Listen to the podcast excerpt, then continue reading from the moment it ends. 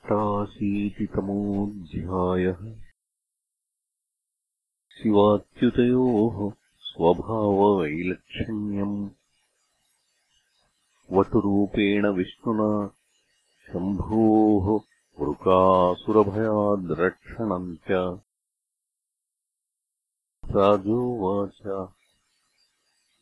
देवासुरमनुष्येषु ये भजन्त्यशिवम्। शिवम् प्रायस्ते धनिनो भोजा।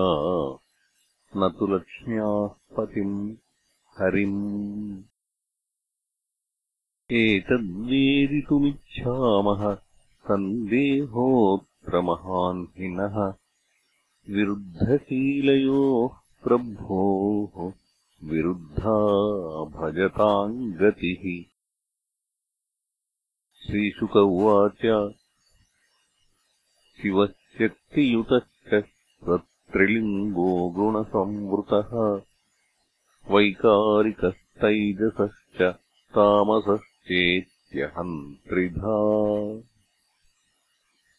ततो विकारा भवन् षोडशामीषु कञ्चन उपधावन् विभूतीनाम् सर्वासामश्नुते गतिम्। हरिर्हि निर्गुणः साक्षात्पुरुषः प्रकृतेः परः। स सर्वदृगुपद्रष्टा तम् भजन्। निर्गुणो भवेत्। निवृत्तेः स्वस्वमेधेषु राजा युष्मत्पितामहः शृण्वन् भगवतो धर्मानपृच्छदिदमच्युतम्।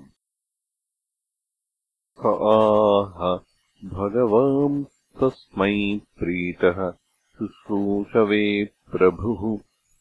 नृणाम् निःश्रेयसास्थाय योऽवतीर्णो यदोः कुले। श्रीभगवानुवाच यस्याहमनुगृह्णामि हरिष्येतद्धनम् शनैः। ततो धनम् त्यजन्त्यस्य स्वजना दुःखदुःखितम् स यदा वितथोद्योगो निर्विण्णः स्याद्धनेहया मत्परैः कृतमैत्रस्य करिष्ये मदनुग्रहम् तद्ब्रह्म परमम् सूक्ष्मम् चिन्मात्रम् तदनन्तकम् अतो माम् सुदुराराध्यम् हित्वान्यान् भजते जनः। ततः स आशुतोषेभ्यो लब्धराज्यश्रियोद्धताः। मत्ताः प्रमत्ता वरदान् विस्मरन्त्यवजानते। श्रीशुक उवाच चापप्रसादयोरीशा ब्रह्मविष्णुशिवादयः सद्यश्चापप्रसादोऽङ्गशिवो ब्रह्मा न चाच्युतः अत्र चोदाहरन्तीममितिहासम् पुरातनम्। वृकासुराय गिरिशो वरम् दत्त्वापसङ्कटम् वृको नामासुरः पुत्रः शकुनेः पथि नारदम्। दृष्ट्वाशुतोषम् पप्रच्छ देवेषु त्रिषु दुर्मतिः आह गिरिशम् देवम् उपाधावासुसिध्यसि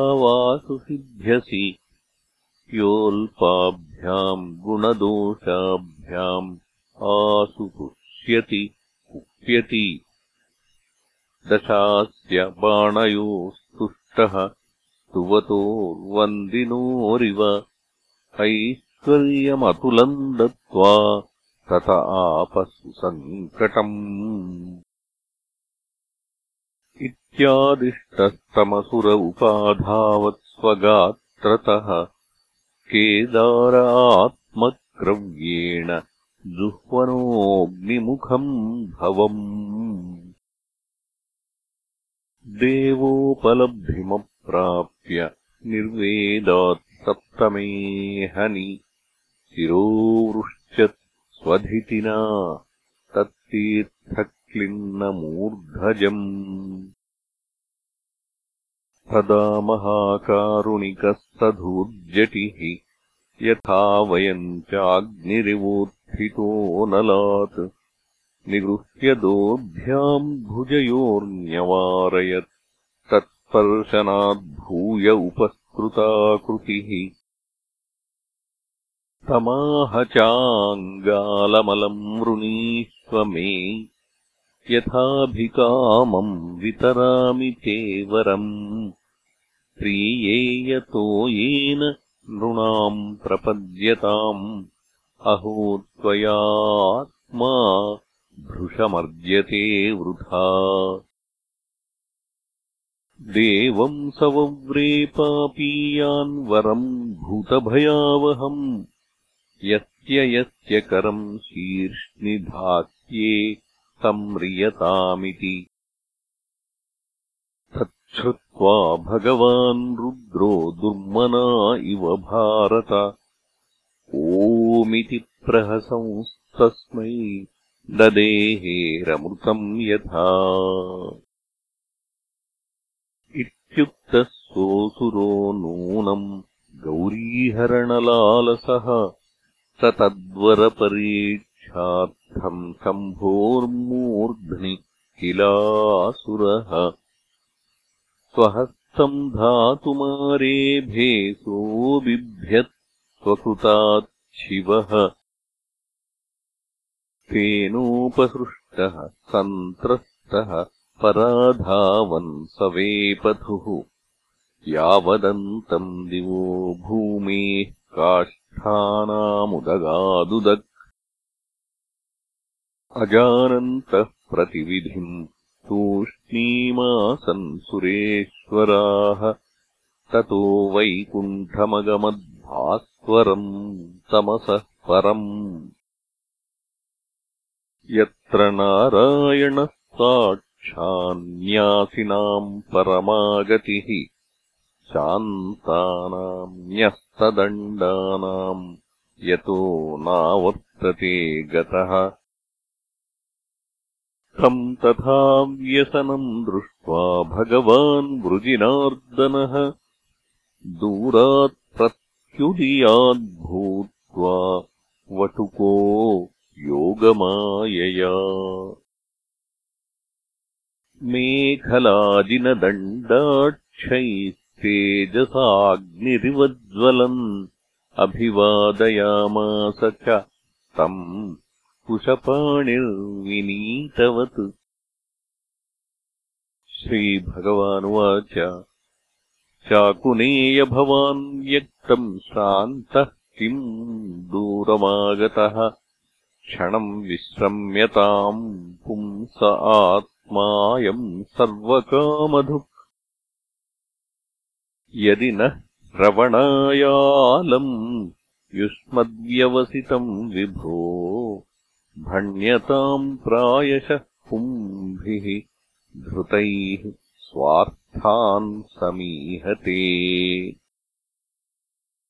श्रीशुक उवाच एवम् भगवता पृष्टो वचसामृतवर्षिणा गतक्लमोऽब्रवीत्तस्मै यथा पूर्वमनुष्ठितम् श्रीभगवानुवाच।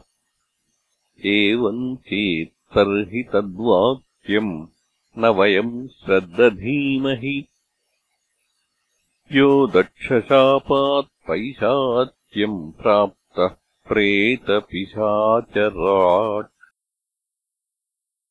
यदि वः तत्र विश्रम्भो दानवेन्द्रजगद्गुरौ तर्ह्यङ्गासु स्वशिरसि हस्तम् न्यस्य प्रतीयताम्। यद्यसत्यम् वचः शम्भोः कथञ्चिद्दानवर्षभ तदैनम् जह्यसद्वाचम् न यद्वक्तानृतम् पुनः कथम् भगवतश्चित्रैर्वचोभिः स सुपेशलैः भिन्नधीर्विस्मृतः शीर्ष्णिः स्वहस्तम् कुमतिर्व्यधात्। अथापतद्भिन्नशिरा वज्राहतैव क्षणात्। जयशब्दो नमःशब्दः साधुशब्दो भवद्दिवि। मुमुचुः पुष्पवर्षाणि हते पापे वृकासुरे देवर्षिपितृगन्धर्वा मोचितः सङ्कटाच्छिवः मुक्तम् गिरिशमभ्याह भगवान् पुरुषोत्तमः। अहो देवमहादेव पापोऽयम् स्वेन पाप्मना। हतः को नु महत्स्वीश जन्तुर्वै कृतकिल्बिषः। क्षेमीत्यात्किमु विश्वेशे कृतागस्को जगद्गुरौ। य एवमव्याकृतशक्त्युदन्वतः परस्य साक्षात्परमात्मनो हरेः गिरित्रमोक्षम् कथयेत् शृणोति वा? विमुच्यते संसृतिभिस्तथारिभिः इति श्रीमद्भागवते महापुराणे पारमहंस्याम् संहितायाम् दशमस्कन्धे उत्तरार्धे अष्टाशीतितमोऽध्यायः